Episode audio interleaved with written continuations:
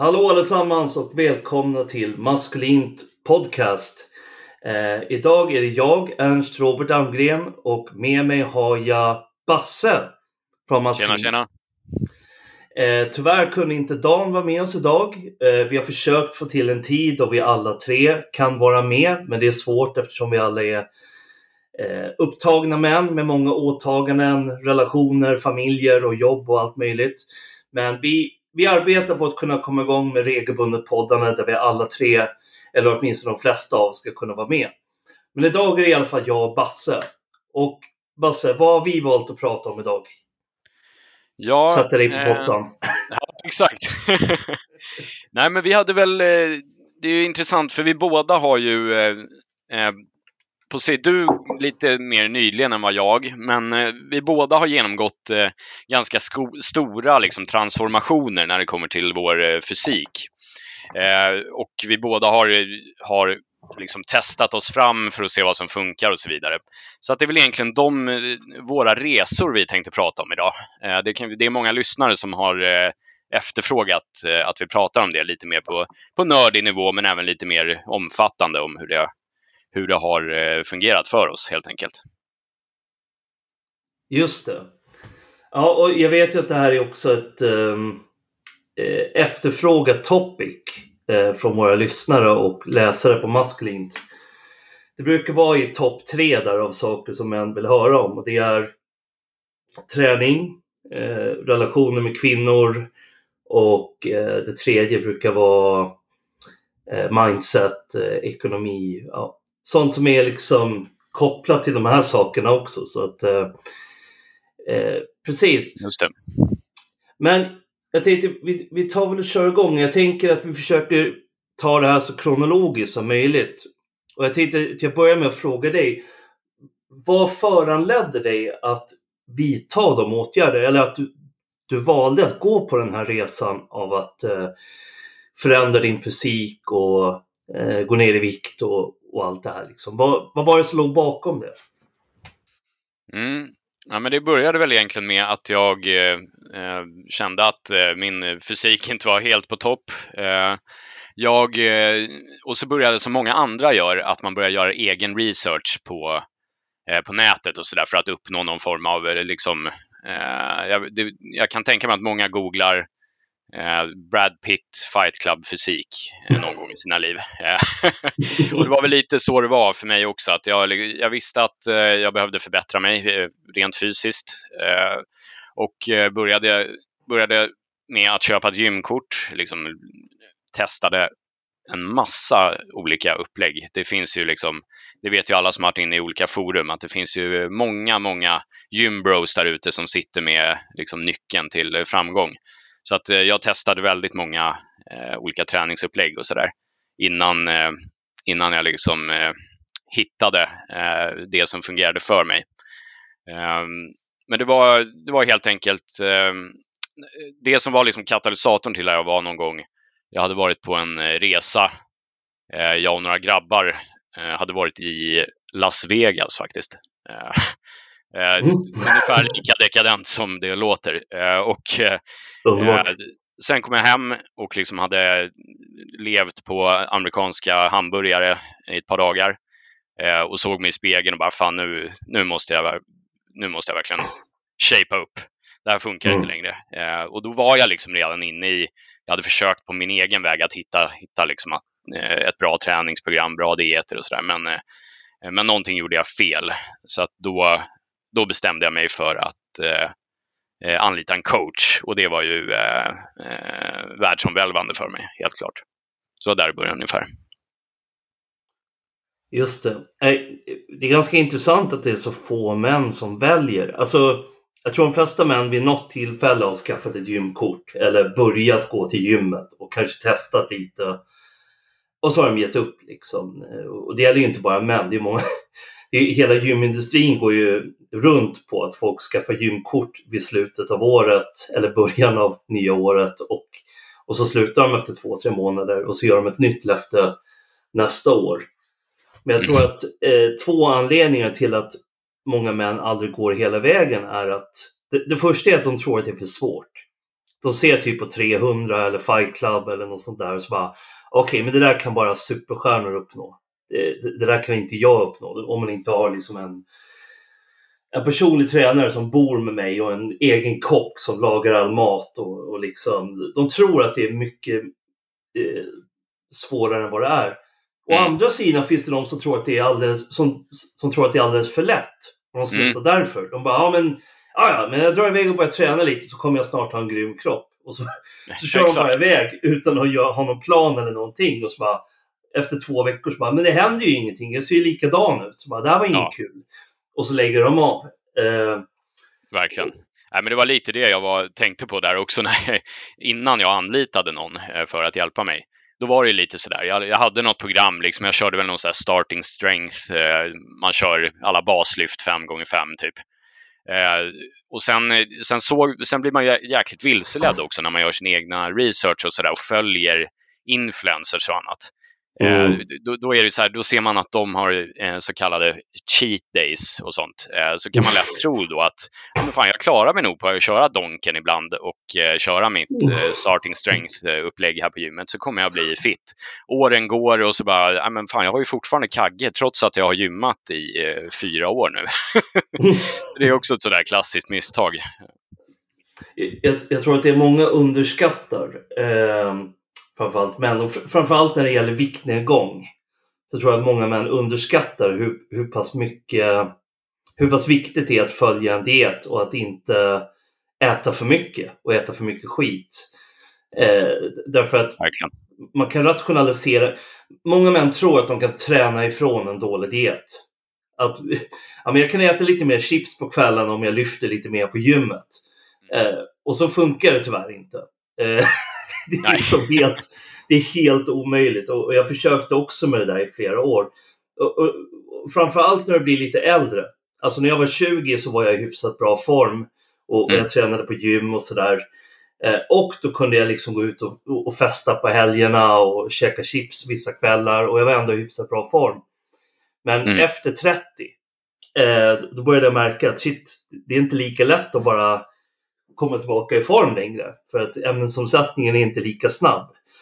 Eh, och, och där är inget, och många tar det här som ett, eh, en undanflykt för att ja, men, ja, ja, men jag kan inte komma i form, det är bara för att jag blir över 30.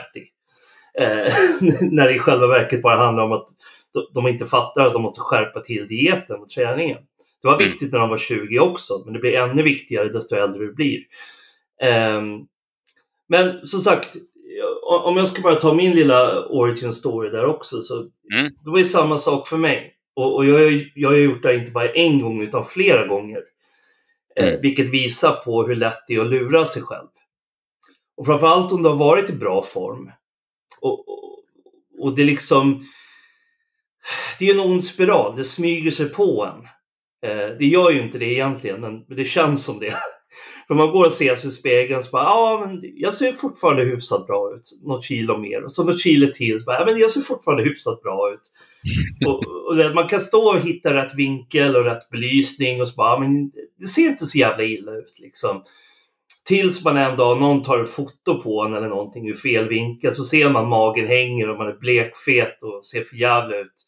Eller att man springer till bussen någon dag och så bara är helt slut när man kommer fram till bussen. Bara, vad tungt det där var. Så bara, Shit, jag är verkligen inte i form. Liksom. Och då fattar man att okej, okay, jag, jag, är inte så jävla bra shape. Eh, och, och, där hamnade jag förra året också. Det var ju, och där tror jag många män kan känna igen sig i. Och det var ju efter eh, eh, viruset av okänt ursprung hade eh, slagit till och, och många av olika anledningar tvingades vara hemma och inte kunde gå på gym och, inte, och sådär. Just det. Eh, så var det ju väldigt många som förlorade formen ganska snabbt. Och det var ju samma för mig och det var ju därför jag beslöt mig för att nu måste jag ta tag i det här. Men jag insåg att jag kommer inte kunna göra det själv den här gången. För jag har försökt så många gånger och så har jag så ofta fallit tillbaka till att hamna i dålig form. Plus att jag aldrig hade uppnått den här riktigt rippade fysiken jag drömde om. Jag hade aldrig fått de här magrutorna. Och det är inte det att det är viktigt att ha magrutor. Eh, du, du, kan vara en grym jävla fysik och hälsa och styrka utan att ha magrutor. Men för mig var det en sån där... Eh, jag är jävligt envis. Och jag säger, men fan, jag ska kunna få det liksom. Jag vet mm. ju att det mm. går på något sätt. Så jag anlitade en coach också och då fattade jag första två veckorna på programmet med min coach så var det bara Oh shit, det är så här lite jag ska äta om jag faktiskt ska nå den mm. formen. Och, och, det var en um, Ja, det var en wake-up call. Ja. Så. det, det, det, var ganska mindblowing för mig också när jag såg hur det, det var lite roligt det där just med dieten och mängden man fick äta. Eh, för det är också en sån där grej man ser i många forum och sådär. Och, och bland gymbros så är det ju liksom en så här, det, det är ju en kreddig grej att kunna käka mycket. Eh, man, eh, det är ofta så att man, man, liksom, man pratar om hur mycket man har käkat och bara, ja, ja, det är bara att trycka i dig mat så länge du tränar. och det är ju det är precis tvärtom. Sen beror det också på då givetvis ska nämnas vad man har för mål med det hela. det låter som att du och jag har haft liksom ganska liknande mål. Problemet för oss är inte att gå upp i vikt, snarare tvärtom. Mm. Medan det finns liksom taniga grabbar som har svårt att få i sig tillräckligt med protein, eh, som i min värld är ett lyxproblem. Men, eh, men så är det. det är alltid ett lyxproblem för de som eh, inte har det, så att säga. och, och jag vet ju det att tyvärr är inte Dan med, men han är ju en sån här kroppstyp att han aldrig haft problem med övervikt, vad jag vet. Däremot så har han svårt att lägga på sig vikt. Just det. Och, och jag har flera sådana kompisar som har sagt till mig att fan vad jobbigt att behöva äta hela tiden. Mm. och, och det är verkligen jobbigt för dem. Alltså, jag ser dem sitter och lider och bara ah, till kycklingbröst liksom. Mm, mm. Medan jag sitter där och bara, kan jag inte ta två till liksom? jag tänker att vi ska komma in på det också eh, mm. under en punkt som heter bulk och deff. Där vi kanske mm. kan ge lite råd till dem som har svårt att gå upp i vikt. Absolut. Eh, utifrån vad vi kan. Men jag tänkte, och så tänkte jag så här också att den här podden är inte bara värdefull för dig som tänker skaffa en coach. Vi kommer ta upp tips för dig som vill försöka det här själv. Men vi, vi kan ändå poängtera eftersom både jag och Bassa har gjort det, att det är otroligt värdefullt att ha en coach. Inte ja. bara för att du får expertråd och får liksom ett färdigt schema med kost och träning. Utan det är också att du är accountable. Hur säger man på svenska? Att du är liksom... Ja, du har någon som Exakt. checkar av med dig varje vecka. Bara, har du följt dieten? Har du följt mm. träningen? Hur mycket har du gått upp? Hur mycket har du gått ner? Hur många centimeter har du runt midjan? Eh, och det är så värdefullt. För om du inte har en coach så är det så lätt att lura dig själv. Mm. Ja, ja, men jag har tränat ganska bra den här veckan så jag kan unna mig lite Donken eller sushi eller något nu. Liksom. Och om du inte mäter det och kollar regelbundet då kan du tro att du håller på att komma i bättre form. Jag, jag ser ofta det här på gymmet. Någon som precis har börjat för någon månad som bara Jag tycker jag har lite större biceps nu. Bara, mm. Ja, det kan ju kännas så liksom. Men det, det, det, är jävligt svårt att gå efter känsla och, och tro att man går framåt. Liksom. Mm. Eh, så vad, tycker, vad skulle du ge för tips till någon som vill skaffa en coach? Vad bör de tänka på? För det finns en jävla massa dåliga coacher där mm. ute. Allt från gymbros till liksom eh, sådana mainstream töntar som bara kommer med ja, ät lite av allt och eh, mm. ta långa promenader liksom. Ja. Precis man, ska definitivt eh, undvika coacher som säger saker i stil med ja, men ibland får du unna dig och sånt och liksom har, har med någon typ av, eh, för det tycker jag är, alltså det, självklart kan man liksom äta något, eh, något cheat meal och sådär, men, men min erfarenhet säger ändå att är det en seriös coach så är det inget daltande. Eh, och det, det, är vad jag, det tycker jag har eh, fungerat väldigt bra för mig. Eh, när liksom, för min coach var väldigt hård så på det sättet. Det kan ju låta avskräckande, men det är också det som behövs. Eh, han var ju liksom så att det, är, det här, så här ser dieten ut. Det är inga fuskdagar. Du håller dig till exakt de här ingredienserna eh, och, och, så här mycket käkar du. Eh, så det tycker jag, men eh, överlag så där om man ska hitta en coach, eh, det, så tycker jag nog att man, eh, man gör rätt i också att att följa personer. För ofta så när man tar kontakt med en coach nu för tiden så är ju det via sociala medier. Eh, mm. och det ger ju dig en möjlighet att följa dem över tid. Så att det. det. mitt, mitt tips är där att liksom hålla lite koll på olika coacher och liksom se vem som verkar vara vettig. Det, det var så jag hittade min. Han verkade liksom baserad i, i alla möjliga frågor, inte bara, inte bara träning. Så att jag, fick, mm. jag fick ett förtroende för honom när jag läste hans olika tagningar på nätet. På, på den vägen var det. Och, jag kan ju säga, det var rätt intressant. Min coach heter ju eh, Mattias Sacka och jag kommer definitivt anlita honom igen. Och han hade följt mig på mitt Instagram och jag har följt honom. Och han har ju lång bakgrund. Han har bland annat varit redaktör för tidningen Body. Han är utbildad liksom i medicin och han har en jävla massa tung utbildning och grejer. Men det var inte det som övertygade mig. Det som övertygade mig var ju att han la upp före och efterbilder på sina klienter. Just och där det. såg jag ju män liksom som bara och shit, så här ser han ut nu. Och sen liksom ett halvår senare kunde jag se samma kille stå där rippad och se bra ut och ge testimony. Och det betyder så mycket.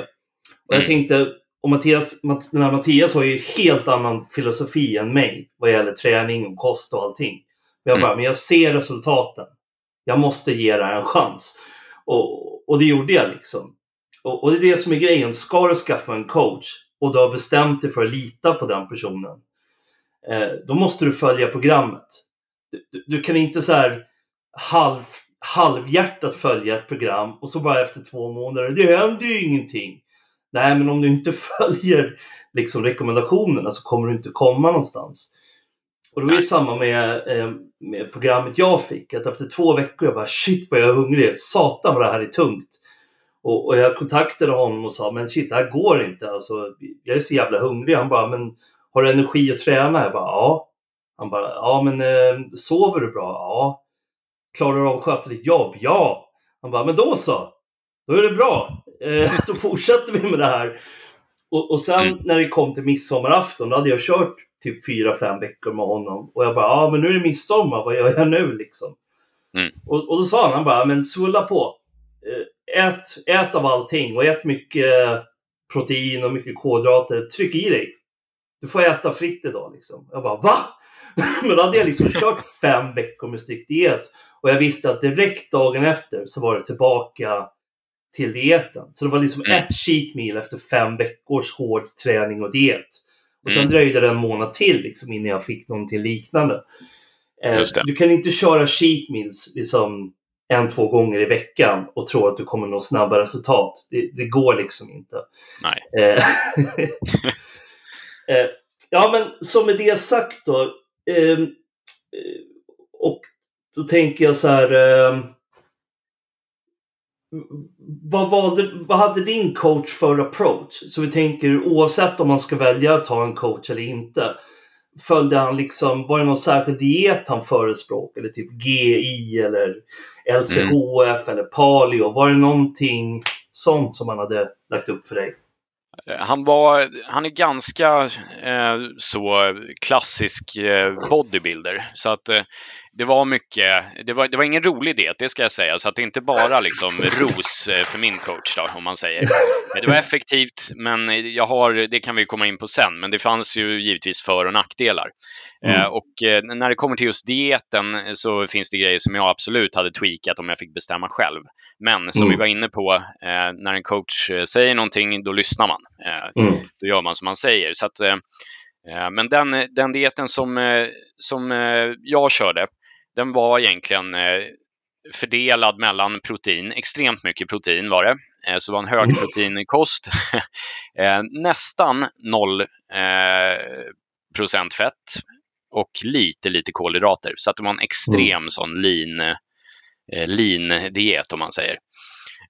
Och det, det har jag lite, de som följer mig i sociala medier vet ju att jag är en stor fettförespråkare, vilket mm. du också är Ernst, det vet jag. Så att Eh, så att det gick lite emot mina, mina tankar och sådär. Men det, det funkade i alla fall.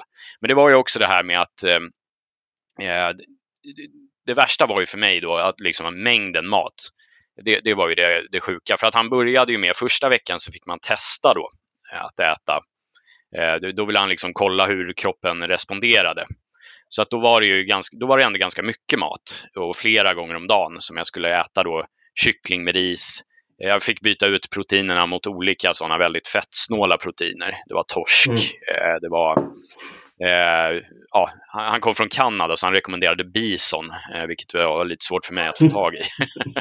men men, eh, ja, så, men då var det ganska många portioner och sen gick det, och så gick det bara en vecka liksom, så rapporterade jag in, nu har jag gjort det här, tränat så här och käkat det här.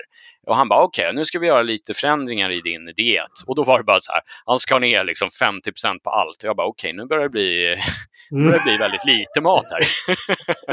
ja, och, så, och så blev det ju bara värre och värre. Vecka efter vecka så skruvades den där ner. Liksom. Så till slut var det så, jag, jag liksom, jag som äter mycket eh, och hade ätit mycket i mina dagar, eh, det blev ju verkligen, det var en stor förändring. Eh, så det, det, var verkligen en, en utmaning. Så det var väl lite så den, den dieten såg ut. Sen kan jag prata mycket om vad jag tycker om sådana eh, fettsnåla dieter. Men, mm. eh, men när jag sett dina, eh, de bilder du har lagt upp under din, eh, ditt program här så, så har ju det sett betydligt roligare ut än, eh, än kyckling och ris. Mm. Både och. Jag skulle ändå säga att det är fascinerande hur lika approach våra coacher hade. För att eh, Mattias är också en klassisk eh, bodybuilder-coach. Han har lite mer fokus på mikronutrienter, alltså sådant som vitaminer och mineraler, att det ska vara lite mer allsidigt. Men generellt så, sett vad gäller makronutrienter, eh, och inte för att vara för nördig makronutrienter menar jag alltså de stora kolhydrater, fett och protein liksom fördelningen av dem, så var han eh, 40% protein, 40% kolhydrater och 20 fett. Mm. Och, och, jag hade ju innan dess följt en LCHF-diet som byggde på först fett och sen protein och så pyttelite kolhydrater. Så det var en total switch around för mig. Mm. Och det var ju också otroligt mycket protein. Alltså det var makalöst mycket så här keso, fettsnåla produkter också. Eh, så här, low fat keso och eh, lågfett ost och mycket så här fullkornsprodukter, fullkornsris och fullkornstortillas och allt vad det var. Och så magert kött och liksom mager nötfärs och sådär. Mm. Eh, men, men anledningen, anledningen till att jag tror att det här funkar jävligt bra är att eh, och vi kommer in sen på hur man ska hålla en diet långsiktigt, för det är egentligen det viktiga. För det har vi sett från sådana program som Biggest Losers och sånt att alla kan ju gå ner i vikt ganska snabbt nästan med vilken diet som helst. Om du liksom ligger på lågt kaloriintag och så. Men sen när det gäller till att hålla det i längden så faller det ju oftast om det är en ohållbar diet. Och det kan vi komma in på sen. Eh, men absolut, så jag hade samma approach. Mycket protein, eh, ganska mycket kolhydrater och lite fett. Och, och, och, så låg jag på ungefär 500 kalorier under kroppsbehovet. Och sen, ök, sen minskade han det ännu mer så att det var så 800 kalorier och nästan 1000 kalorier under dagsbehovet. Eh, mm. Jag tror det lägsta jag var på var eh, 1700 kalorier om dagen. Mm. Och eh, det kanske inte betyder så mycket för de som lyssnar, för de som inte räknar kalorier, men jag kan säga att det är inte mycket mat. Eh, det var så här, det var en omelett på morgonen gjord på äggvitor mm. och eh, spenat och lite bär liksom. Och, mm. och sen till lunch så var det så här eh, svart ris med torsk och eh, typ några vindruvor. Och sen till middag så var det så här en fullkornsburgare med så här rågbröd, låg eh, fett Eh, färs, kycklingfärs mm. och lite sallad och så en halv cheddarost. Liksom. Eh. Det är sådana måltider som man liksom, när man har ätit dem så är man ännu hungrigare än när man åt dem. Eh. Ja, alltså man blir typ retad. Och jag var ja. inte på kul humör under de här första veckorna. Och jag var... Det var en del av mig som ville ge upp. Alltså, vet, jag, jag skrev till honom jag bara, jag pallar inte det här. Mm. Och första veckan så fuskade jag dessutom. Jag gick mm. och käkade lite, här, lite nötter och lite grejer jag hade hemma. Vet. Jag lagade ju mat till familjen dessutom. Så mm. att, vet, jag mm. stod och kokade pasta och köttfärssås och bara åh, det här ser gott mm. ut. Så bara sl slank ner lite spaghetti och lite köttfärssås. Och så, och så gick jag bara ner ett halvt kilo första veckan. Och mm. Mattias fattade ju att jag inte hade följt dieten så han bara, har du verkligen följt den? Jag bara, jo, mestadels. Han bara, ja. Han bara, kan du pröva den följ följa den helt korrekt nästa vecka? Jag bara, ja.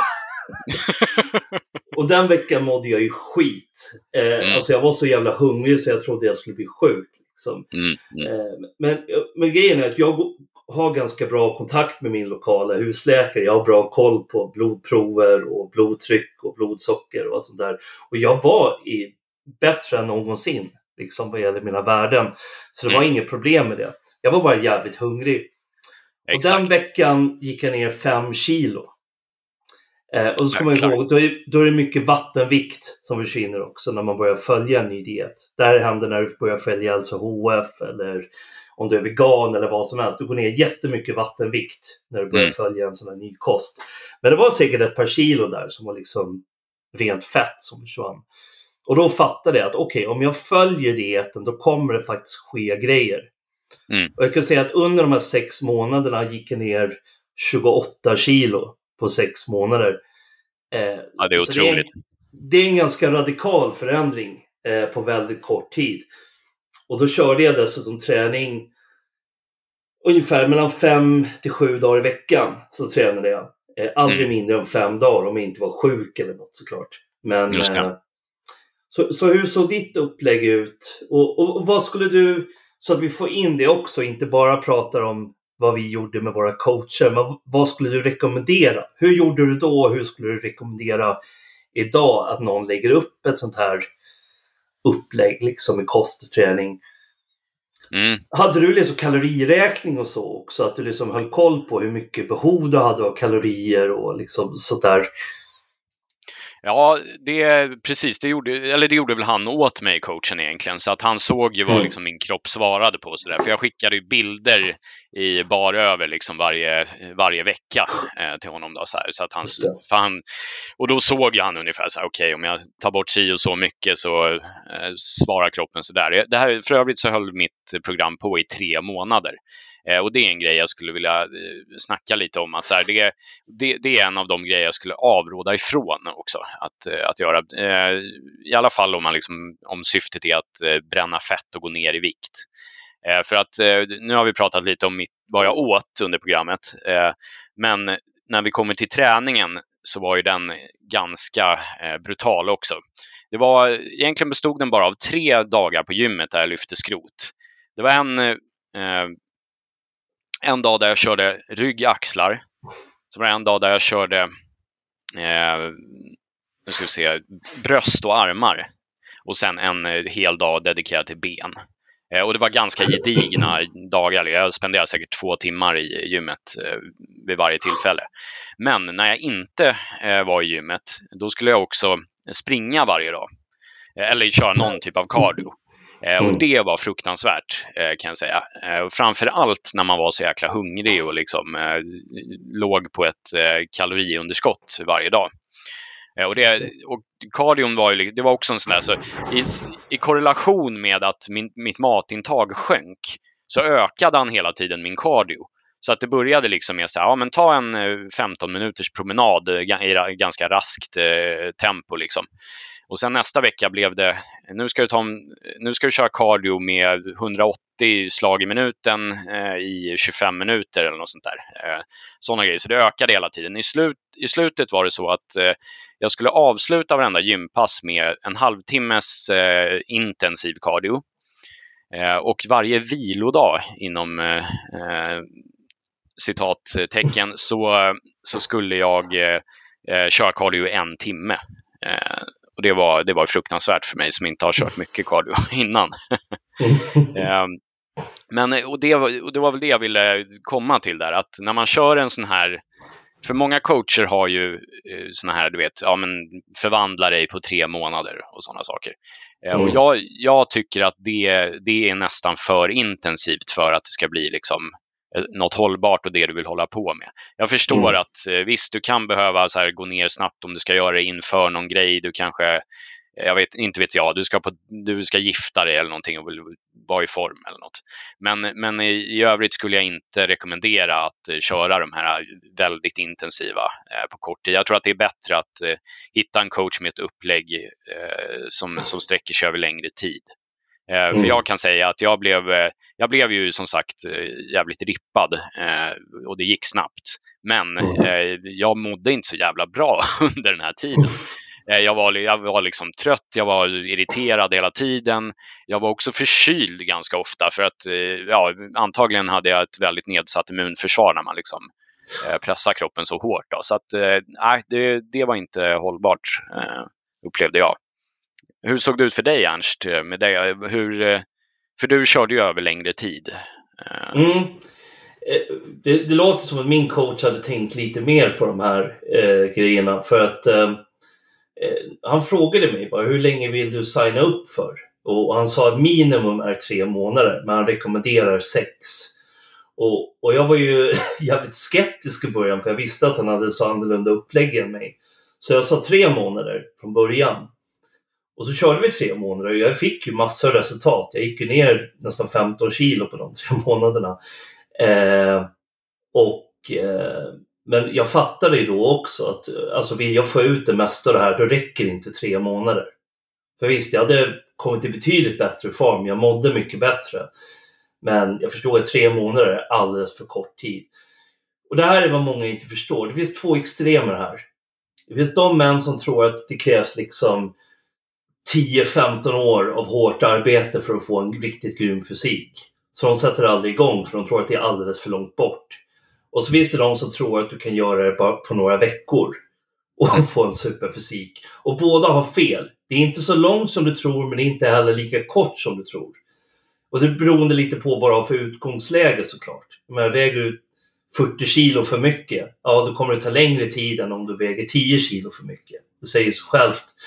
Men du bör absolut tänka på det här långsiktigt. Och har en ambition skulle jag säga minst ett halvår, helst ett år. Eh, på liksom, för att verkligen ha ett värdigt mål att, liksom, att sträva mot. För att tar det tre månader, som du säger, har du en bra coach så kan du uppnå ganska grymma grejer på den tiden. Mm. Men eh, ja, jag tror också som du säger, det är för intensivt, det är för hårt och risken är att du bara glider tillbaka i den form du var innan efteråt för att det var så pass intensivt. Eh, så, så precis.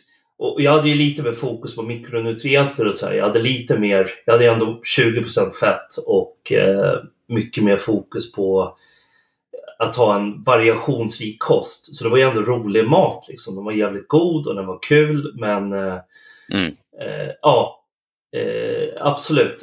Tänk på det. Det handlar inte bara om, här är den gamla skolan av eh, nutritionister och, och PTs och sånt. De säger ät bara så lite som möjligt och träna så mycket som möjligt. Mm. Men det funkar inte för att du måste ha energi att träna. Mm. Och, och, har du inte tillräckligt mycket, går du för lågt i kaloriintag så kommer du inte palla med den träning du behöver. För att det handlar inte bara om att bränna fett, det handlar om att försöka behålla så mycket muskler som möjligt. Och får inte musklerna tillräckligt med liksom protein och näringsämnen, ja, då kommer du bara tappa muskler eh, ja, du kommer tappa fett också, men du kommer också tappa mycket muskler. Och muskler väger mer än fett. Så risken är att du bara utarmar dig själv genom att du kör för hårt. Så att det är en svår avvägning det där. Se till att du har referenser om du skaffar en coach och försöker göra det här själv. Se till att räkna ut. Eh, och det finns massa sidor på nätet för det här. Eh, så här kaloriräknare och där du kan räkna ut BMI. Eh, BMI är väldigt föråldrat, men det tror jag menar. Det finns, mm. det finns en massa sajter där du kan räkna ut hur mycket eh, ha, hur mycket kalorier har du i dagsbehov och hur lågt bör du ligga för att kunna gå ner i vikt? Just det. Och, och det för mig till en sista punkt jag vill ta upp om det här som är så viktigt och som jag hade hjälp av coachen med. Det är att det du mäter kan du hantera om du inte har någon koll på om du går upp eller ner i vikt och, och fram, ännu viktigare, har du inte koll på midjemåttet så vet du inte om du går framåt eller inte. Eh, det är det som är grejen. Om du bara kör på känslan, men det, det, här känns bra, jag tror att jag håller på att gå ner i vikt, men du vet inte. Om du inte vet om midjan minskar och du faktiskt går ner i vikt, då kan du lura dig själv i, i jag vet folk som har lurat sig själva i flera år och trott att de, att de har gått framåt. Men jag har sett på dem, nej du har inte alls gått framåt, du lurar dig själv. Liksom. Så. Nej, det, det håller jag verkligen med om. Eh, det, det är viktigt det där med att, att mäta. Och sen, en annan grej som är bra också, det är det här med att ta lite bilder eh, på sig själv. Det märkte jag att det var bra. Sådär. För det, det vill ju han coachen ha då. Eh, och det var också bra referens för mig själv att se den faktiska transformationen. Eh, för det gör man tydligt då. Det gör man inte om man så här kikar på sig själv i spegeln ibland. Liksom. Det, det, det går inte. Eh, som du säger, det är viktigt att eh, hålla koll på det där. Och det här tror jag avskräcker många män också. Alltså, det är inte många män som är bekväma med att ta en bild av sig själv i bara överkropp i ett avslappnat läge. Eh, och jag kan säga det var inte kul för mig första dagen. Och de som vill kolla hur jag såg ut kan gå in på levafett.com. Det är första artikeln där. Då ser du en före och en efterbild. Jag var blekfet, magen hängde ut och jag var hårig. Du vet. Såg ut som en sån här äckelgubbe verkligen. Jag bara, fy fan vad det där ser ut. Och det var deprimerande as fuck att ta den där bilden och skicka in till coachen. Jag bara, ja, så här ser det ut liksom. Eh, men se sen bilden efter sex månader så fattar ni vad som är möjligt. Eh, så bli inte nedslagna av hur det ser ut nu. Eh, det är bättre att bara bita det sura äpplet. Ja, det här är inte bra liksom. Mm. Men det, du, du, kan ta tag i det här. Du kan, du kan få en grym fysik. Men då måste du vara ärlig med dig själv. För du vinner ingenting på att lura dig själv att ja, men det är ganska bra att dra in magen och ta på dig en tröja. Och bara, det, det ser inte så illa ut. För då vet du inte hur det i verkligheten är. Det är bättre att bara ta det på en gång. Liksom. Mm. Ja, verkligen. Det... Men eh, ska vi prata lite om det här med deff och bulk då? Mm. Eh, nu satsar ju både du och jag på viktnedgång vad gäller vår ja. kroppstransformation. Och jag tänkte fråga också innan vi går vidare. Du har väl en bild på din Twitter va? Eller du hade det mm. förut i alla fall om en sån här före och efterbild mm. på eh, din fysik. Precis, ja, men den ligger kvar där. Eh, och det var, det var precis eh, den första bilden där man ser, det var den jag skickade in till coachen också vad är det här du har att jobba med?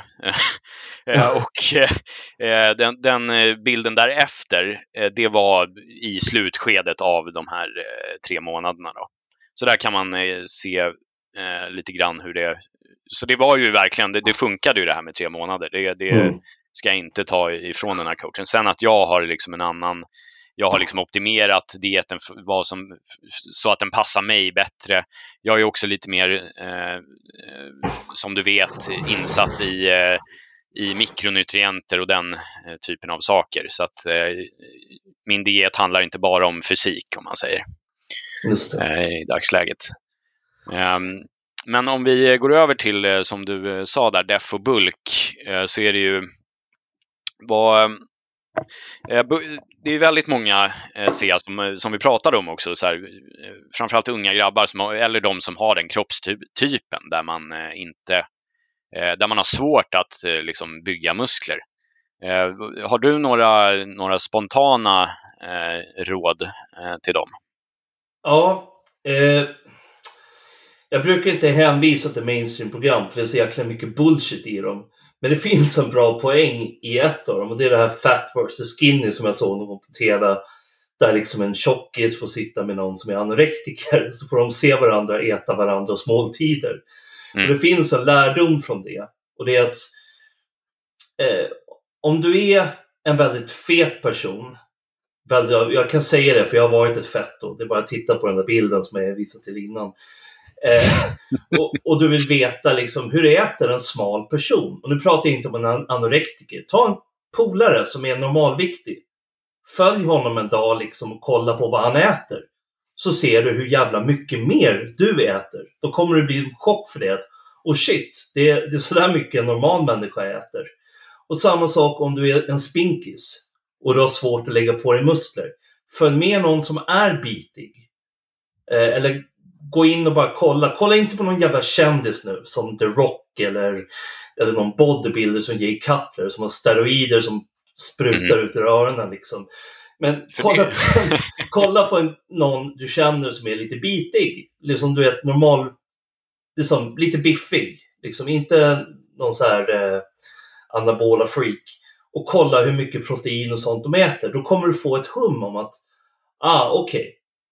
Eh, och, och det de flesta spinkiga personer märker när de kollar på det här, eller när de anlitar en coach, är att och shit vad lite protein jag äter.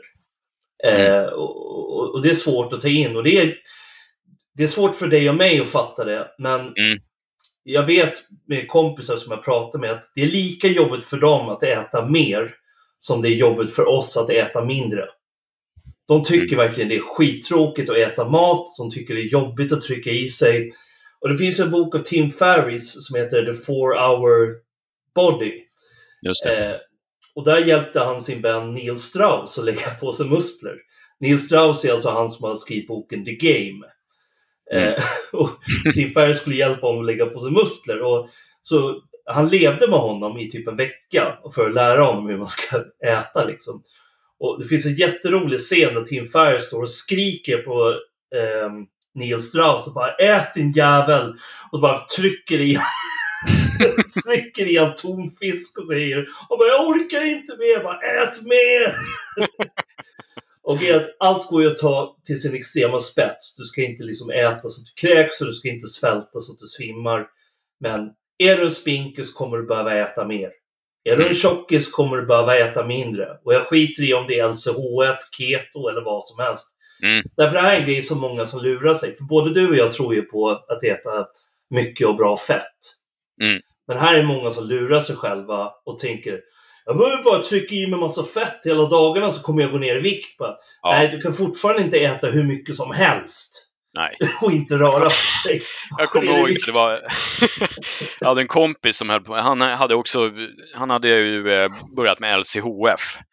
Eh, men han, han körde ju bara liksom devisen. Nu kan jag äta hur mycket fett som helst, hur mycket protein som helst. Sen spelar liksom inte kalorierna någon roll överhuvudtaget. Källan av fettet spelar ingen roll. Så det var liksom så här, han bara dränkte all sin mat i bearnaisesås liksom. Och bara, ja fan vad jag har varit nyttig idag. Eh, så fick man en bild på liksom en ryggbiff med två liter bearnaisesås på. Eh, och det är ju så här, det, det, är inte det det handlar om. eh, det är, det vill jag poängtera också, att det är rätt viktigt att, så här, också att se till vad det är du stoppar i dig. Eh, det, jag menar, det, det, här har vi pratat om i tidigare poddar och sådär, men, eh, men det är liksom jag, jag är ju väldigt, jag är, avskyr ju liksom fettkällor såsom rapsolja och sån här processad skit. Eh, så det bör man ju det bör man ju undvika. Eh, och det är det definitivt i bearnaisesås. Eh, så att det, det, handlar om att göra lite mer research också, att inte bara se. Och det är därför vi, du och jag, ältar om mikronutrienterna. Och inte bara, man ska inte bara stirra sig blind på liksom, okej, okay, får jag i mig fett, eh, så här mycket fett, då har jag träffat mina mål. Men kommer fettet från bearnaisesås och inte liksom animaliska kvalitativa fetter, då kommer det vara förödande.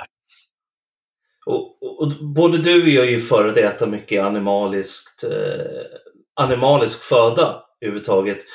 Eh, och, och, vi är inte jättemycket positivt inställda till veganism och dylikt. Men, men, vi kan nog båda hålla med om det här att om du är vegan och äter alla kosttillskott och sånt som krävs för att liksom väga upp mm. för att du inte får i dig kött så är du fortfarande mer hälsosam än någon som äter vad vi skulle kalla en standarddiet, eh, medelsvenssons diet. Mm. Du, du, kommer fortfarande må bättre och, och bli bättre. Och, liksom, mm. och, och det gäller ju samma med LCHF och paleo och allt vad det är. Eh, äter du bra kost, alltså bra, bra råvaror, riktig ja. mat, oven jordgrönsaker, mm. kött från friska fribetande djur, eh, så kommer du må bättre än någon som inte gör det. Mm. Eh, jag kommer ihåg på någon så här hälsomässa jag var på när jag stod vid något bord så här, och jag smakade något så här torkat kött eller vad. Så rullade det fram en så 200 kilos flodhäst med liksom kortsnaggat hår. Bara, du vet att kött inte är bra för dig. Mm. ja, eh, tack. Jag, eh, jag tror jag, jag ska ta det i beaktande. Liksom.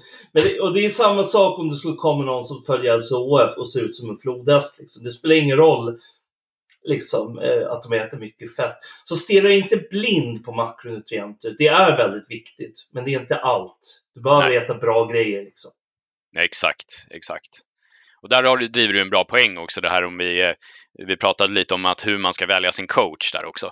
Det är, för det är ju också så här, ja, det, för det första då, titta också på hur din eh, coach ser ut och vad han har uppnått.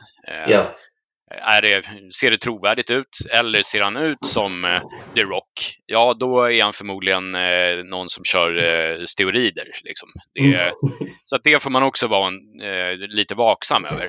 Nu är inte det lika vanligt i, bland svenskar. Anlitar man en svensk coach så tror jag inte att det är lika eh, stor risk som om man eh, anlitar typ en amerikansk eh, snubbe från Instagram eller någonting. Att, att det används steroider. Så att, men det är också något att vara vaksam över. Att kolla på de här före och efterbilderna på deras klienter. Ser det naturligt ut? Absolut. Mm. ja men precis. Och, och där var också en sån här grej Eh, här finns ett till misstag man kan göra. Det är att stirra sig blind på utbildning och meriter. Det är mm. klart viktigt att den du anlitar har bra meriter. Men jag har sett tomtar som sitter på Facebook som har så här. Jag har studerat biomedicin i 15 år och har sju olika magisterexamen. Och så ser han ut som en jäkla Steve Urkel liksom. Och bara, ja, men jag vill fortfarande inte se ut som dig. Jag skiter i hur många diplom du har liksom. Och, och, när jag såg på min coach Mattias Sacka och det är liksom en redig snubbe liksom. Han är stark och han är vältränad. Så okej, okay, den, här, den här snubben har ett bra kroppsideal. Han är jävligt stark och han verkar vara frisk och liksom högproduktiv människa. Ja, jag kan lyssna på honom. Alltså se till mm. att din coach är, är, en sund och stark och frisk människa som lever som man lär. Mm. Eh, det är i alla fall vad jag tycker är viktigt eh, mm. när jag anlitar någon. Och eh, ja, precis. Ska vi säga någonting om viktnedgång? Nu har vi pratat lite om bulk eh, för mm. de som vill öka i muskelmassa. Men bara för att återupprepa några poänger där. Du måste äta mer. Eh, mm. Jag skulle säga 500 kalorier mer i överskott generellt sett. Eh, du måste äta bra grejer oavsett om du följer LCHF eller vegankost eller vad fan du gör. Du måste mm. äta riktig mat från naturen. Liksom. Eh, och, och det tredje, försök att ta hänsyn till mikronutrienter. Att du faktiskt får i dig allt kroppen behöver. Mm. Eh, vi kommer, jag tänkte vi skulle komma in mot slutet lite på kosttillskott och så, så, sånt som är ditt område, ditt mm. specialområde. Eh, men, men jag tänkte vi börjar med att gå in lite på DEF då, för de som vill mm. gå ner i vikt, vilket jag tror är de allra flesta. Mm. Vad ska man tänka på? Just det. Nej, men det är, nyckeln till, till det hela, det är ju eh, som vi eh, folk förmodligen har förstått vid det här laget, men det är ju vad du stoppar i dig. Eh, och där är det, som du var inne på Ernst, också viktigt att man räknar ut ungefär var man ska ligga i, i genomsnitt på kaloriintag per dag. Så att du, man kan man kan gå in på någon sån här makrokalkylator eller någonting, eh, kan man googla så hittar man eh, en uppsjö av sådana. Eh, men där slår man egentligen in, som du sa också, där BMI och, och sådana saker.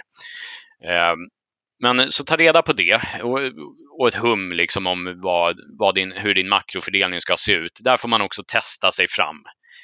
För det finns, det finns olika, alltså man, varje individ responderar olika på det där. Så att eh, till exempel, jag, jag är väldigt känslig för carbs. Eh, tyvärr, jag gillar det. Eh, det gör jag verkligen. Det är roligare att gymma när man har laddat med lite carbs. Eh, men eh, det är liksom, ja, käkar jag pasta ett par dagar i veckan, då ser jag ut som pingvinen i Batman. typ. så det, och det är inget man vill göra. Så att, men, men så där får man liksom testa sig fram. Och där återigen, därför är det bra att anlita en coach, eh, för då gör han eh, halva jobbet åt dig. Eh, så behöver du inte experimentera så mycket själv. Men så det är väl en, en liksom primär sak, det är att, att hålla koll på kaloriintaget och inte äta för mycket. Jag skulle kunna lägga till en till sak som är viktigt där vad gäller makronutrienter och det är hanteringen av hunger. Och grejen är att du kommer vara hungrig om du går ner i vikt. Sorry, Eh, det spelar ingen roll vilken diet du följer. En del tror som sagt att de kan följa SOF så kan de ha svulla i sig fett hela dagarna så kommer de gå ner i vikt. Och så funkar det tyvärr inte. Eh, det hade varit grymt om det var så, då skulle jag aldrig följa någonting annat. Eh, men du, du kommer vara hungrig. Men om du har en diet som bygger på mer fett och protein än en som bygger på mycket kolhydrater så kommer du vara mindre hungrig än om du har, följer en diet som bygger på mycket kolhydrater och lite fett. Och det säger sig självt, det har ju med insulin att göra, om du är liksom insulinkänslig eller inte. Jag är precis som du väldigt känslig för insulin. Så att tar jag liksom en skopa ris, då vill jag äta en hel kastrull med ris. För det triggar mig, liksom. det triggar min hunger på ett sånt sätt. Mm. Men skulle jag däremot äta ett par stekta ägg och några skivor bacon, då kan jag hålla mig mätt alltså, i många timmar utan att eh, känna att jag är vrålhungrig hela dagen tills jag ska äta igen. Så det är viktigt att tänka på att fördelningen av mikronutrienter påverkar dina insulinnivåer. Eh, och det är därför diabetiker måste liksom äta väldigt ofta om de inte har mediciner liksom, för att hålla i mm. schack. Mm. för att deras blodsocker får inte sjunka. För att, liksom, ja. Så, det är det. Tänk på mm. att du följer en diet som gör att du håller ett relativt jämnt blodsocker. Och där finns det två strategier. Antingen äter du en diet som bygger på mycket fett och protein. Ja, då, då kan du också följa en intermittent fasta. Att du kan gå många timmar utan att behöva äta någonting. Följer du en diet som våra coacher förespråkade eh, med mer protein och mer kolhydrater. Eh, ja, då, då måste du äta oftare på dagen för att inte bli tokhungrig och inte orka göra någonting. Mm. Så det är liksom upp till var och en där vad man vill välja. Men var medveten om hur fördelningen av makronutrienter påverkar dina energinivåer under dagen. Mm. Eh, får jag bara flika in en fråga där också? Eh, hur, eh, har du något sätt att liksom hantera de där stunderna av extrem hunger? Några tips där hur man hur man liksom ska göra för att inte gå runt och se eh, hallucinationer i form av pizzor och grejer framför sig. Eh. Ja, och så sagt, det här beror på lite vilka strategier du har. Men när jag följde dieter från Mattias eh, så var det ju en diet som byggde på ganska mycket kolhydrater. Vilket mm. gjorde att jag var hungrig ganska ofta. Mm. Och jag fick äta då eh, fyra, fem gånger om dagen och det var mellan två till tre timmar mellan varje måltid. Och det gör ju att då hinner man inte bli jättehungrig eftersom man äter ganska ofta. Men om du ska följa en sån diet så är förberedelse A och O. Du, du måste ha matlådor förberedda. Du måste ha liksom eh, se till att du har den maten med dig på jobbet eller när du är hemma eller när du tränar. För glömmer du att ta med dig en matlåda och du är vrålhungrig när klockan slår 11 eller 12 eller 1 nu när du har lunch Mm. Eh, du, du, kommer inte kunna hålla dig. Du kommer springa iväg till första McDonalds eller första Pressbyrå eller vad som helst och köpa något skit att äta för att du är så jävla hungrig. Du måste veta att du redan har ett förberett mål som du ska äta. Och du måste mm. ha, det måste vara uppmätt exakt hur mycket du ska äta. Eh, följer du en mer ketogen diet eh, då kan du liksom stilla hungern väldigt lätt genom något som till exempel en fettkaffe. Eh, att du tar eh, en kaffe, vad en del kallar bulletproof då. Att du tar en kaffe med kanske en tesked kokosolja och kanske en matsked med smör och rör runt. Det ser ut som djurpiss liksom. Eh, men det är faktiskt rätt gott och det kan stilla din hunger i flera timmar utan att du behöver äta någonting. Och det handlar om samverkan med koffeinet och fettet som gör det. Jag skulle säga, följer en sån diet som jag följde förra året när jag gick ner nästan 30 kilo. Då är det att äta ofta. Så gör matlådor.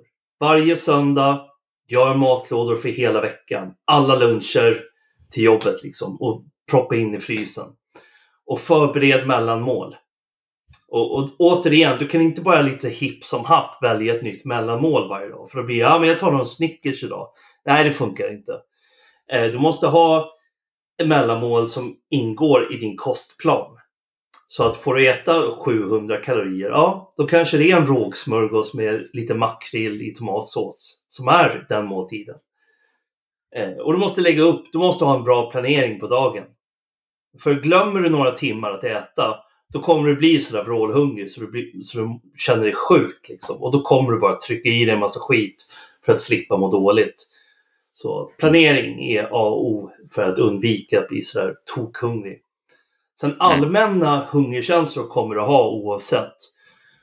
Exakt. Och enda sättet att hantera dem är att du har ett jävligt grymt mål. Du måste verkligen ha din målbild av hur du kommer se ut och av hur du kommer må när du har nått mm. ditt mål. Eh, det är en del som tycker att det är ytligt och kanske till och med lite feminint och så här, ah, vadå, ha magrutor och så ut så här. Men skitsamma. Gör att du blir frisk, gör att du blir starkare och mår bättre och har mer energi. Då är det ju värt det. Vad spelar det mm. för roll om det, har, om det är lite narcissistiskt? Var lite mm. narcissistisk då. Föreställ dig att du är en soldat i 300 eller Brad, Clip i, Brad Pitt i Fight Club eller mm. vad det nu är. Vad som får dig att bli driven och gå upp på morgonen och känna ja, jag pallar att stå ut några timmar med hunger för att då kommer jag få den fysik jag vill ha och den kommer ge mig allt jag vill uppnå här i livet. Liksom. Mm. För att du kan sitta och pupua hur mycket du vill. att äh, Vadå, varför bryr du dig om hur du ser ut? Ja, okej. Okay. Men saken är den, om jag som coach ser ut som en grekisk gud kommer fler vilja anlita mig än en halvtjock eh, tönt som, som ser ut som liksom en slöfock. Mm. Om jag ser liksom skärpt och vältränad ut på arbetsintervjun kommer jag tilltala fler eh, chefer och arbetsledare än någon som är tjock. Om jag går på en dejt så kommer jag tilltala fler kvinnor om jag har en grym fysik än om jag är tjock. Det, det är bara det hårda liksom, den hårda sanningen. Mm. Eller vad skulle du säga? Oh, nej, men jag håller helt med dig där. Um, det jag tänkte på här också med just att uh, hantera Eh, hungern där också, några, några grejer som jag märkte var ju ganska intressanta. Det är ju det här med att man, eh, man får ju ett, eh, ett jäkla fokus när man, eh, när man är hungrig också. Så att det är bra, som du var inne på där, när man planerar sina dagar. Att om du vet också att du har en längre tid eh, mellan frukost och lunch eh, till exempel, där du, eh, där du inte ska käka någonting. Eh, se till att du är sysselsatt med någonting. jobba liksom med något administrativt, skriv eller vad du nu håller på med. för det, det märker jag att det, håller man sig sysselsatt så är det lättare att gå hungrig än att om du sitter och rullar tummarna någonstans, då är det precis som du sa, då börjar man snegla åt att springa till Pressbyrån eller något sånt där. Eh, när jag körde min eh, diet så hade jag en, eh, då, den jävligaste tiden, det var jag skulle hem efter jobbet. Eh, på den tiden hade jag en, mm. Eh, en ganska bra eh, bit att pendla. Mm. där jag liksom inte hade någon, något käk att tillgå. Man sitter gärna inte äter och, och äter liksom en kycklingfilé i kommunaltrafiken. Va?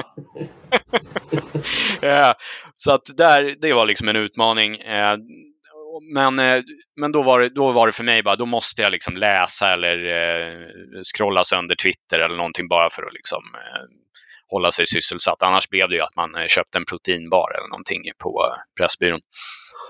Så det är ju en sån där grej också. Eh, och sen en annan, ett annat sånt här litet hack eh, som man kan eh, hålla på med, det är ju också att eh, eh när man går hungrig, att eh, dricka mycket. Alltså dricka mycket vatten. Te är också en sån här kanongrej. Eh, det är bra för ämnesomsättningen och sådär också. Och andra fördelar. Så att, och det kan hjälpa till med att känna sig lite utfylld i alla fall. så det är två, det. två grejer. Man ville lägga Väldigt till bra poänger. och nu vet jag att det är lite kontroversiellt men jag är ju liksom en öppen kaffemissbrukare.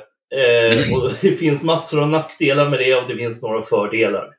Eh, mm. och, och, jag håller helt med eh, vår vän eh, Marcus Ferlin, the golden one, om att kaffe är någonting man ska dricka med måtta. För det är faktiskt en drog och en stimulantia för liksom, mm. nervsystemet. Och det kan trötta ut binjurarna och det kan orsaka en massa problem. Men om du kan hantera kaffedrickande på en bra nivå, att du, inte drick, att du dricker två koppar och inte två kannor om dagen, så kan du faktiskt tajma det. Så att du tar en kopp kaffe, eh, helst svart, när du är väldigt hungrig. Därför att kaffe dämpar faktiskt hungern och det, det gör dig mer skärpt och gör att du kan hålla dig ett tag till. Eh, och jag skulle också säga att om du håller på och slutar snusa eller slutar röka så bör du inte göra det i samband med en DEF. Eh, för att det dämpar också hungerkänslor. Så ska du sluta då är det bättre att först köra en def och sen sluta snusa och röka så att du Helt har råd att gå upp några kilo. För att det är tungt. Och, och jag, snus, jag säger som det är, jag snusade och jag drack mycket kaffe under min viktnedgång. Och för att det hjälpte mig att hålla schack på hung hungerkänslorna. Men det är mm. inget jag rekommenderar till någon för det är inte bra för hälsan. Men jag ska, jag ska vara transparent och säga att så var det. Liksom för mm. att stå ut med hungerkänslorna. Verkligen. Sen en till poäng med hunger är att vi har en bild i västvärlden om att det är någonting dåligt att vara hungrig. Eh, vilket är en myt. Eh, alltså under större delen av vår evolution så gick våra förfäder hungriga större delen av dygnet. Eh, eh, det är liksom inget onaturligt att känna sig hungrig. Många får liksom, vi har lärt oss en, liksom, mycket på grund av de här kolhydratsförespråkarna att man ska aldrig känna sig hungrig, du måste äta något princip hela tiden. Mm. Och så lever ju kossor. De är mm. idisslare. De går runt och käkar gräs hela jävla dagen och glor på varandra och fiser och skiter och liksom. De gör inget annat än att äta.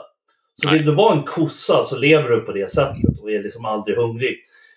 Vill du vara en varg så satsar du på att äta liksom ett stort byte ibland när du kan fälla ett. Så du, mm. en varg kan gå hungrig ett dygn, två dygn, ibland flera dygn. Och sen frossar den liksom i ett djur som de får tag i och äter mycket fett och mycket protein. Och sen mm. kan den vara hungrig många timmar eller många dagar igen. Och människors, eh, våra förfäder var som vargen mm. innan vi började liksom med eh, innan de senaste 10 000 åren. Alltså 90 procent, de två miljoner år vår art och föregångare till vår art har levt på den här jorden så har vi ätit eh, mest animaliskt kött. Vi har även varit asätare, vi har ätit eh, ja, vi har ätit djur och insekter och sånt vi har fått tag på ute. Jag förespråkar inte att vi ska börja käka insekter nu så att ingen tar det fel. Men, men så är det. Vi har ätit djur vi har hittat ovanför jorden och grönsaker och bär och sånt vi hittat ovanför jorden. Men tänker vi då på våra förfäder här i Norden innan liksom vi kunde frysa in saker och innan vi hade stora farmar och sånt där. Ja, eh, större delen av året så var det vinter. Då hade vi inte tillgång till en massa bröd och liksom grönsaker och vi kunde inte köpa sojabönor liksom och sådär skit som vi äter idag. Så ja, det var mest djur. Och sen på sommaren kunde man frossa lite mer i liksom bär och frukt och grönsaker och sånt som fanns tillgängligt. Så det var liksom en naturlig bulk och deff för våra förfäder på det sättet. Så ja, bara en liten historisk kontext till hunger. Att det är inget farligt att vara hungrig. Det gör inget om du är hungrig några timmar. Du kommer inte dö av det. Faktum är att det är bra för dina, för dina celler, alltså på cellnivå, att vara hungrig några timmar. Alltså intermittent fasta är otroligt värdefullt om du vill förbättra din långvariga hälsa. Eh, mm. Därför det hjälper kroppen att föryngra sig och byta ut trasiga celler. Så, Exakt. Ja. Nej, men det är väldigt, eh, det är väldigt bra med fasta. Ehm, jag tror det tar ungefär 12 timmar eh, så, är, så ställs kroppen in på autofagi som det heter, alltså den börjar äta upp celler och sånt som är, eh, som är överflödiga helt enkelt. Så det, det, är väldigt eh, eh, det är också någonting som är bra om man försöker gå ner i vikt så kan man ju definitivt kolla in eh, periodisk fasta. Eh, det handlar väl egentligen om att man eh, inte käkar på ungefär 16 timmar. Ja. och det är lättast för mig när jag har kört det, det är att äta sista målet någon gång på kvällen eh, vid eh, ja, sju någon gång. Och sen, eh, sen börjar fastan då. Eh, och när jag vaknar så jag har lättast för att hoppa över frukost så då hoppar jag frukosten och sen äter jag inte förrän eh, lunch dagen efter. Då. Så att eh, det, det är också ett tips för eh, defen. Just det, och där kan jag lägga till att om du vill följa samma strategi som Basse då är det viktigt att du äter en diet som har mycket naturligt och bra fett i dieten. För då mm. kommer du orka hålla den här intermittenta fastan. Om du följer en diet på mycket kolhydrater och lite fett, då kommer det vara mycket jobbigare att hålla schack på den där hungern. Det går. Jag vet att Wim Hof kör en sån strategi. Eh, han kan ju gå ett helt dygn utan att äta. Sen tar han en Guinness och en biff liksom. Mm. Eh, det är jävligt cool för övrigt. Men, ähm, ja. Ähm, ja, men precis, så, att, så tänk på det. att ähm, du, du, måste liksom väga upp de olika strategierna på ett sätt som funkar för din kropp. Mm. Ska vi eh, nämna någonting eh, lite snabbt om vad man, vad man kan göra mer då? För att om vi bortser från, för nu har vi pratat lite om vad man ska äta när man går ner i vikt. Eh, vad för andra grejer bör man tänka på? Hur ser det ut med, med cardio och sådana saker? Eh, hur tänker du där, Ernst? Ja, eh, just det. Eh, förlåt, jag ska ta din fråga. Jag ska bara säga en sista sak om, om hunger. Och det är att när, när vi var yngre så fick man alltid höra att om, om du går för länge hungrig så ställer din kropp in sig på svältläge. Och, och, och så kommer du bara äta muskler och så kommer du må skit. Ja. Och, och, det där stämmer inte. Det, det, där är en, eh, det där är liksom överbevisat nu, eller motbevisat nu. Eh, du kan gå minst 36 timmar utan att äta, utan att din kropp ställer in sig på svältläge. Så länge du har vatten och liksom får i dig tillräckligt med vätska så är det inga problem. Mm. Jo, fler saker att tänka på. Cardio jag är ganska skeptisk till cardio som... Eh, jag, jag, ty jag, tycker så här, du ska köra cardio men inte främst för viktnedgång. Du ska mm. köra cardio för att det är bra för hjärtat. Exakt. Eh, det, det, är bra för ditt, som, din lungkapacitet och hjärtat och ditt flås. Mm. Eh, för grejen är att oavsett hur grym du ser ut i kroppen, har du inte bra flås och har du inte bra cardio eh, så kommer du belasta hjärtat och du kommer bli svagare liksom, overall. Eh, men det finns också många sätt att köra cardio. Många stirrar sig blinda på att de måste stå på ett jäkla löpband eller på en cykel mm. för cardio. Men det är inte sant. Du kan köra cardio på väldigt många sätt. Eh, du kan köra liksom eh, jumping jacks och burpees. Och det, mm. det, finns många olika sätt att köra cardio på. Där du får liksom korta sprinter och liksom lite längre lågintensivt. Ja, det finns ju där HIT-träning, HIIT, High, Inter High Intensive Interval Training, eh, som det heter. Och mm. det är otroligt effektivt. Eh, jag skulle säga främst för ditt hjärta och din lungkapacitet, men även för viktnedgång. Så Just det. det är någonting att testa.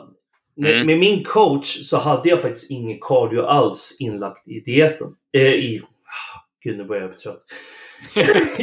i, träningen. Eh, utan jag hade dynamisk uppvärmning som man kallar det. Och det var väldigt mycket övningar som fokuserade på nervsystemet. Alltså på vighet och rörelse och intensitet. Alltså mycket så här eh, hoppa upp och ner och eh, göra olika stretchövningar och sådana saker. Och så var det liksom mer intensitet i själva gymträningen. Så det var mycket supersets till exempel. Mm. Så det kunde liksom vara ett eh, ett set med bänkpress och så ett set med liksom eh, squats på varandra. Så att det var liksom fort 10 reps bänk och sen 10 reps squats. Nu hittar jag mm. bara på här för att ta ett exempel. Mm. Eh, och ibland var det tre sets på varandra som var jätteintensiva men det är typ ingen vila alls emellan och bara stenintensivt. Och det, mm. det, har samma funktion som cardio. Det är att du, du får väldigt intensiva perioder av hård träning och så kort vila och, och så kan du köra om och så. Mm. Så det är min syn på cardio. Eh, ja. Vad tycker du om det? Nej, men jag, jag håller med dig där eh, och jag vill bara säga det också att supersets är någonting som verkligen är värt att kolla upp om man inte har testat det innan. Eh, och det är ju som du sa där Ernst, det är övningar back to back så att du vilar inte så länge emellan. det är inte som så här strongman lyft där man eh, typ går och lägger sig en kvart mellan eh, sätten. eh, men nej, det är väldigt bra för cardio. Eh, sen är jag ett stort fan av eh, promenader. Eh, det tycker jag är ett väldigt bra sätt, för det, det är också sådär, det blir inte för... för springer du, som vi var inne på där också, springer du liksom en, en mil flera gånger i veckan, det kommer, det kommer bli svårare för dig att bygga muskler på det sättet.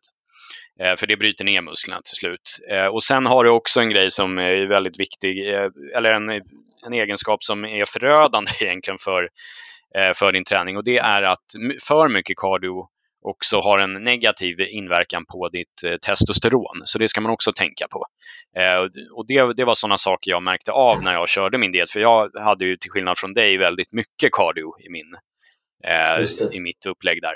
Eh, och jag märkte hur det liksom, eh, eh för jag, jag kör även eh, ibland eh, sådana här tester. Nu kommer jag inte ihåg vad företaget heter. Det är något eh, lab någonting. Man skickar in blodprover så får man tillbaka lite liksom, information om hur, hur det ligger till med testosteronnivåerna och sådär. Var det Verlabs kanske? Ja, exakt. Det stämmer. Det är de jag kör också. Ja. Mm. exakt, och då, då såg jag att... Vi är inte sponsrade av Verlabs, men de får gärna höra av sig för vi, vi tycker de är grymma. Så. exakt, exakt, så är det. Uh, nej, men uh, så där, uh, och där såg jag att det hade en negativ effekt. Nu vet jag inte om det enbart var det, men för det är många komponenter som spelar in givetvis. Men min erfarenhet är att det inte har, och enligt studier så har det en negativ effekt på Eh, Eh, testosteronet. Men eh, promenader däremot tycker jag att man eh, ska implementera mer. Det är en väldigt bra det är ett bra sätt också att underhålla sin, om man nu har blivit deffad och vill underhålla det, eh, så är det ett bra sätt att eh, göra det på. För där, då menar jag inte liksom att traska omkring i lugnan ro sådär, utan det är promenader där man går med ganska raskt tempo ändå. Men viktigt är också att, eller någonting som har funkat väldigt bra för mig, det är att gå efter varje måltid.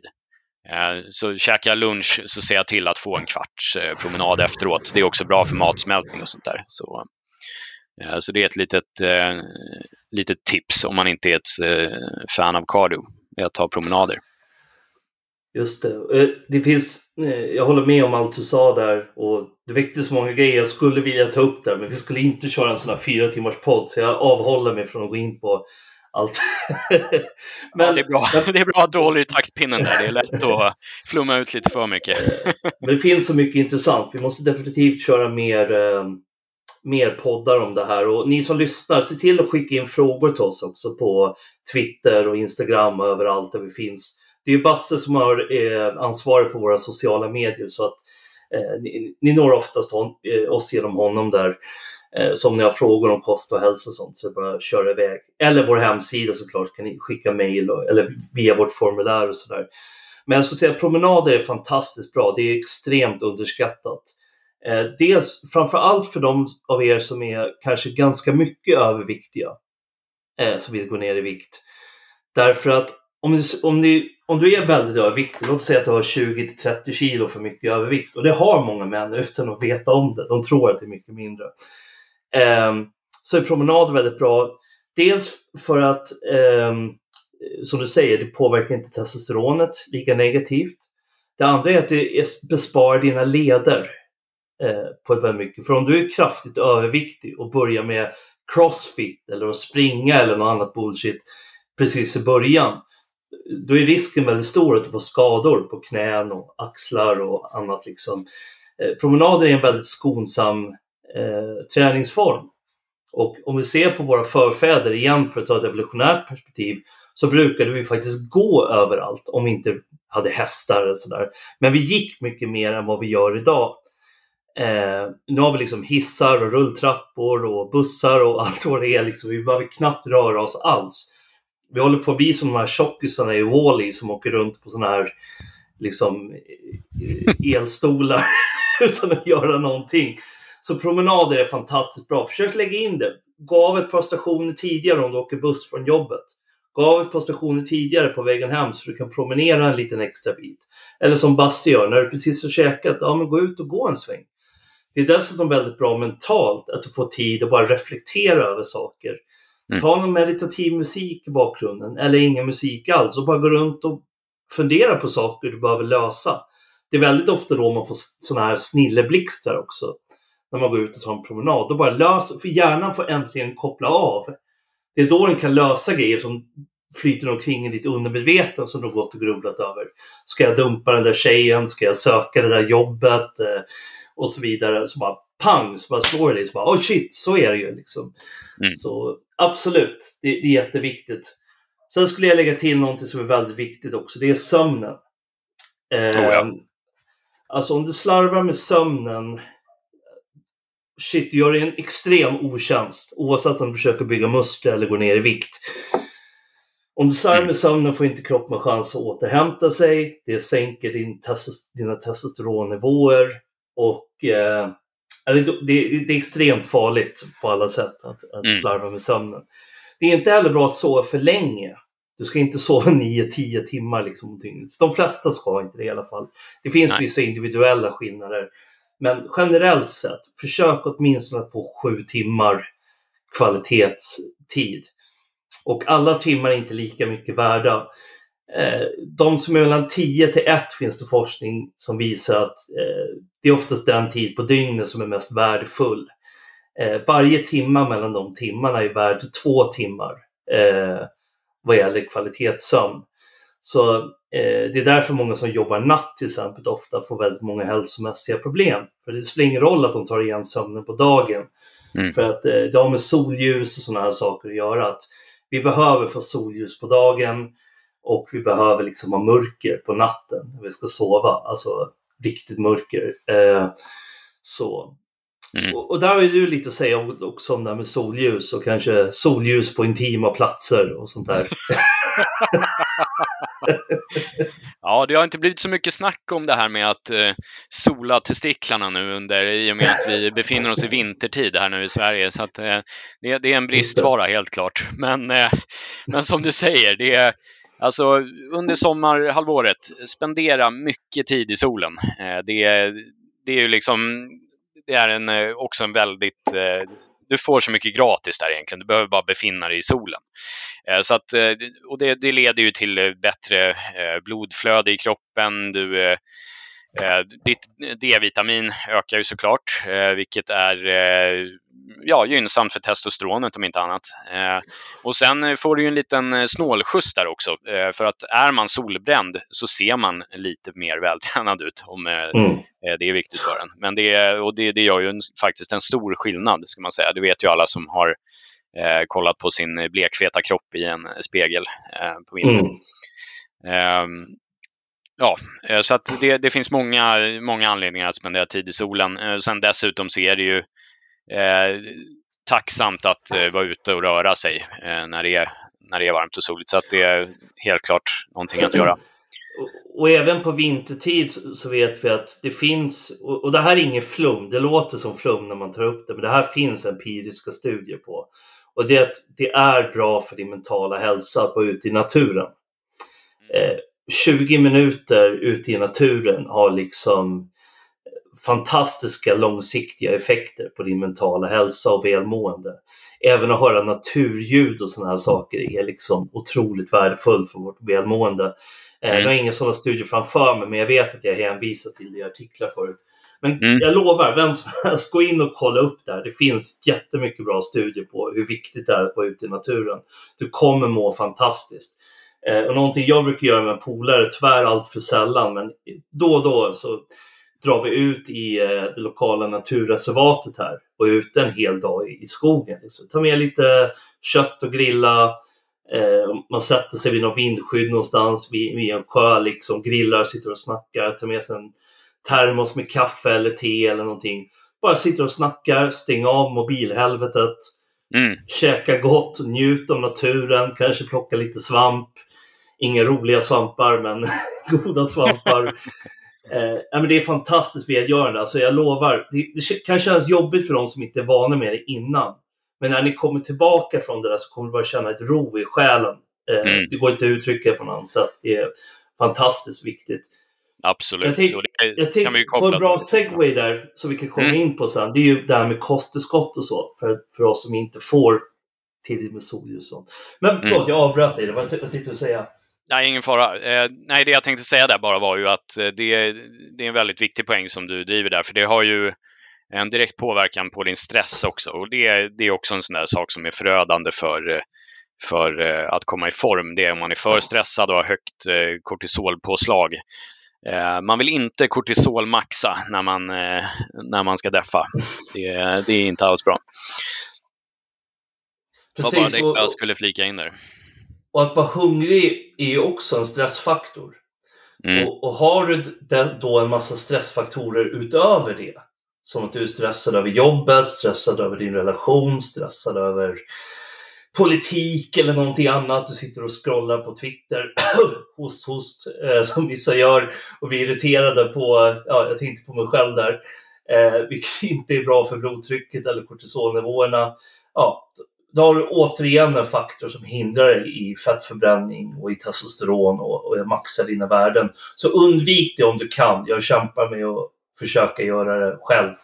Eh, någon dag ska jag nå dit. Liksom. Det, det kommer. Eh, men om vi tänker då, nu har vi gått igenom väldigt mycket vad du kan göra liksom, på naturlig väg i träning, sömn, hälsa och sådär. Men, men den hårda sanningen är det här, och jag vet att det finns många så här primitivister där ute som nu sitter och rullar med ögonen. Jag behöver ingen jävla kosttillskott för jag, jag käkar en varierad kost och, och jag är minsann ute och tar en promenad på morgonen i solen. Och visst, det är jättebra. Saken är den här, vi kan inte motsvara eh, kroppens behov idag med den, liv, med den moderna livsstilen utan kosttillskott. Det, det går säkert om du liksom har jag vet inte, en personlig kock som levererar superföda liksom 17 gånger om dygnet och du kan sova exakt när du vill och gå upp precis när du vill. Men för absoluta majoriteten så kan du inte få i dig alla näringsämnen du behöver utan någon form av kosttillskott. Ta bara D-vitamin till exempel, särskilt under vinterhalvåret så är det otroligt svårt att få i sig tillräckliga mängder för att vi ska leva optimalt. Så, mm. så D-vitamin är ju en sån där viktig grej. Sen mm. vet jag inte om du har någon information om det här Basse, men något som jag är väldigt intresserad av det är ju sånt här som infrarött ljus och, och sådana saker som man kan använda sig av. Eh, mm. Eh, jag vet inte om du har någon insikt i det? Jo, jag har eh, lite grann har jag det. Eh, dels så är det ju, jag är ju en väldigt stor förespråkare för eh, för bastu. Jag har till och med skrivit en hel eh, artikel om bastubadande på Maskulint som ni kan gå in och läsa. och det här med infrarött ljus, det är väl egentligen en, eh, en eh, form av modern bastu skulle man kunna säga. Det är många eh, som pratar, så här biohackers pratar väldigt mycket om infrared sauna. Och det är ju egentligen, det har lite samma effekter som en bastu helt enkelt. Det ökar ditt blodflöde, det är bra, det har liksom kardiovaskulära fördelar och Eh, sen finns det ju massa studier då som visar på att det också hjälper till med, eh, med fettförbränning och sådana saker. Eh, så att det, det är absolut någonting man kan testa. Sen vet jag inte exakt hur det finns lite olika varianter. Jag har faktiskt själv en infraröd lampa eh, som, som är till för det att man kan liksom punkt, eh, punktbelysa kroppen. Eh, och eh, då kan du bland annat eh, sola bollarna vintertid. Men tanken med det är nog inte det i grunden, utan det är att man, det är väldigt bra för skadade leder och sådana saker. Så att eh, kör du den där på ett skadat knä så, så för det, det ökar blodflödet på den skadade platsen i kroppen och eh, på så sätt kan det bekämpa inflammationer och annat. Eh, så det är en ganska, och jag har kört den här lampan nu ett par gånger när jag haft just knäproblem och det, det har faktiskt eh, hjälpt till i återhämtningen. Så att det är något att rekommendera. Sen finns det ju då sådana här eh, helkropps infrared lights och såna här grejer så att eh, det, det går att ta det där ett steg längre om man känner för det. Jag och ifall plånboken räcker till. Exakt, exakt. Så att, eh, mitt tips är ändå att eh, hålla sig till den eh, gamla hedliga bastun eh, om man har tillgång till en sån på sitt gym exempelvis. Och det, det är fantastiskt eh, bara härligt att basta eh, generellt. Ja. Så att det, man märker ju att man mår bra. Och någonting jag brukade göra när jag hade tillgång till bastu är också det här att varva mellan kalla duschar och en varm bastu. Mm. Eh, det är otroligt bra för blodcirkulationen att sitta i väldigt hög värme under en period, gå ut, ta en riktigt kall dusch och sen gå in och basta igen. Det är otroligt ja. bra för att få igång blodcirkulationen och svettas. Och när du svettas så svettar du ut mycket skit ur kroppen. Eh, och det är otroligt viktigt, särskilt när vi har en modern livsstil, vi får i oss massa kemikalier och skit från allt möjligt så är det väldigt bra att ha en period där du kan svettas väldigt mycket, både på gymmet och i bastun och så vidare. Svettas mycket, det är bra helt enkelt. Mm. Um, men om vi säger så här, om de som bestämmer sig för att göra en rejäl transformation nu, gå ner i vikt eller bygga mycket muskler, vi kan, börja, vi kan fokusera på att gå ner i vikt bara för att kunna hålla det enkelt nu.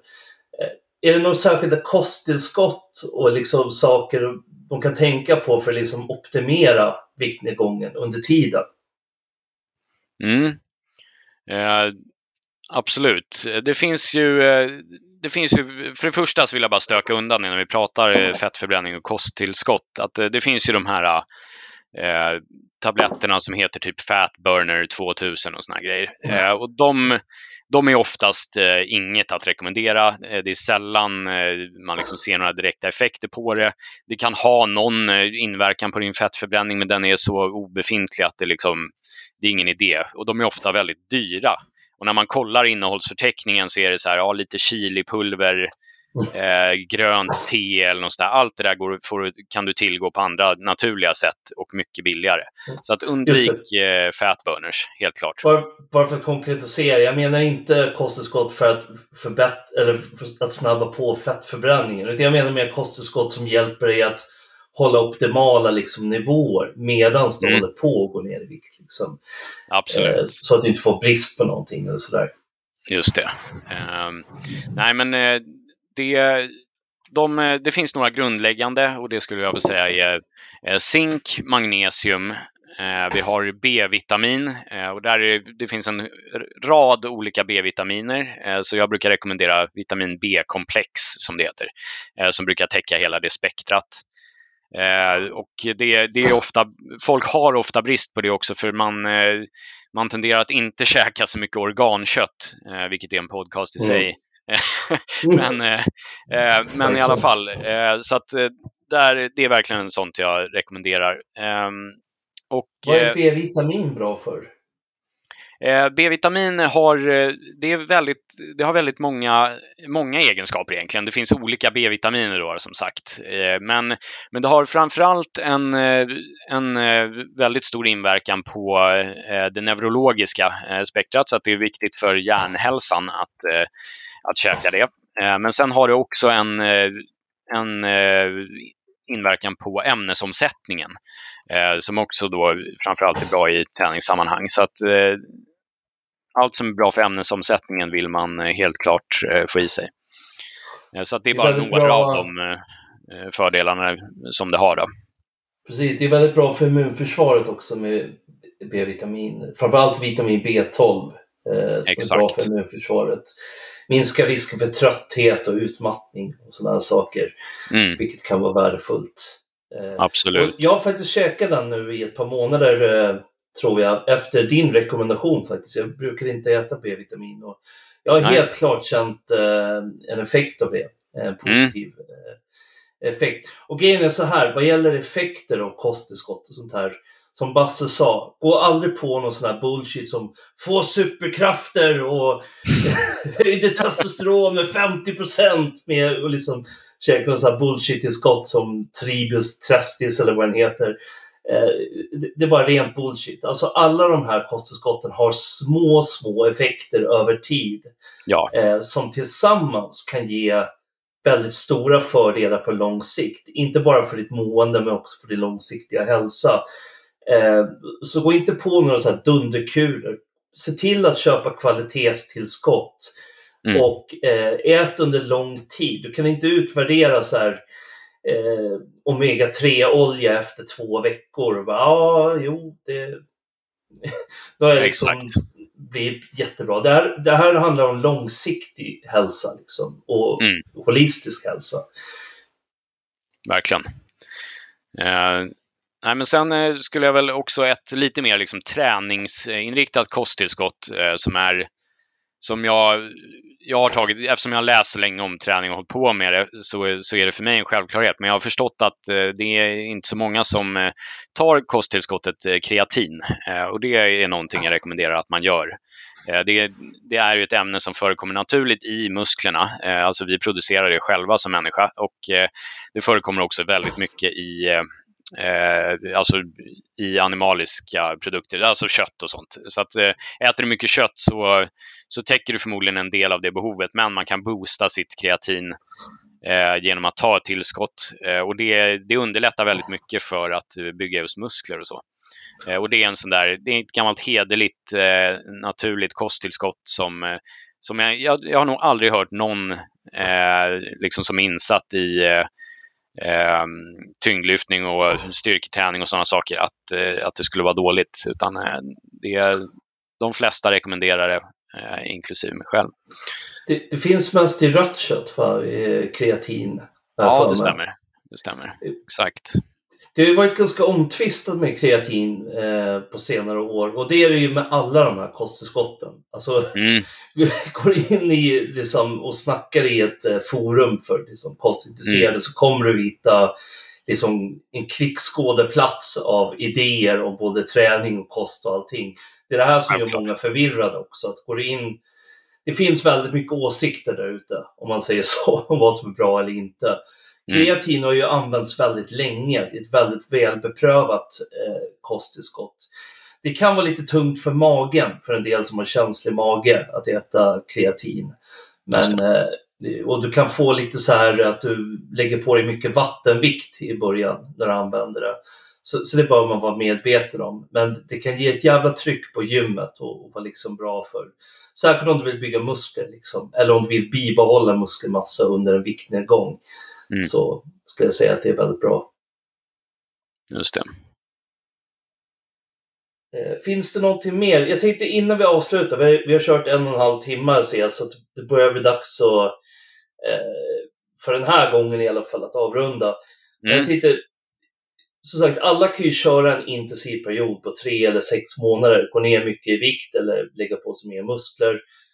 Men för väldigt många så blir det en bumerangeffekt, att så fort de lägger av med det så går de upp i vikt igen eller tappar muskelmassa och liksom faller av för att de har kört intensivt i tid så orkar de inte och så bara ger de upp. Så hur bibehåller man det här under en längre tid? Mm. Vad, vad bör man tänka på? Liksom?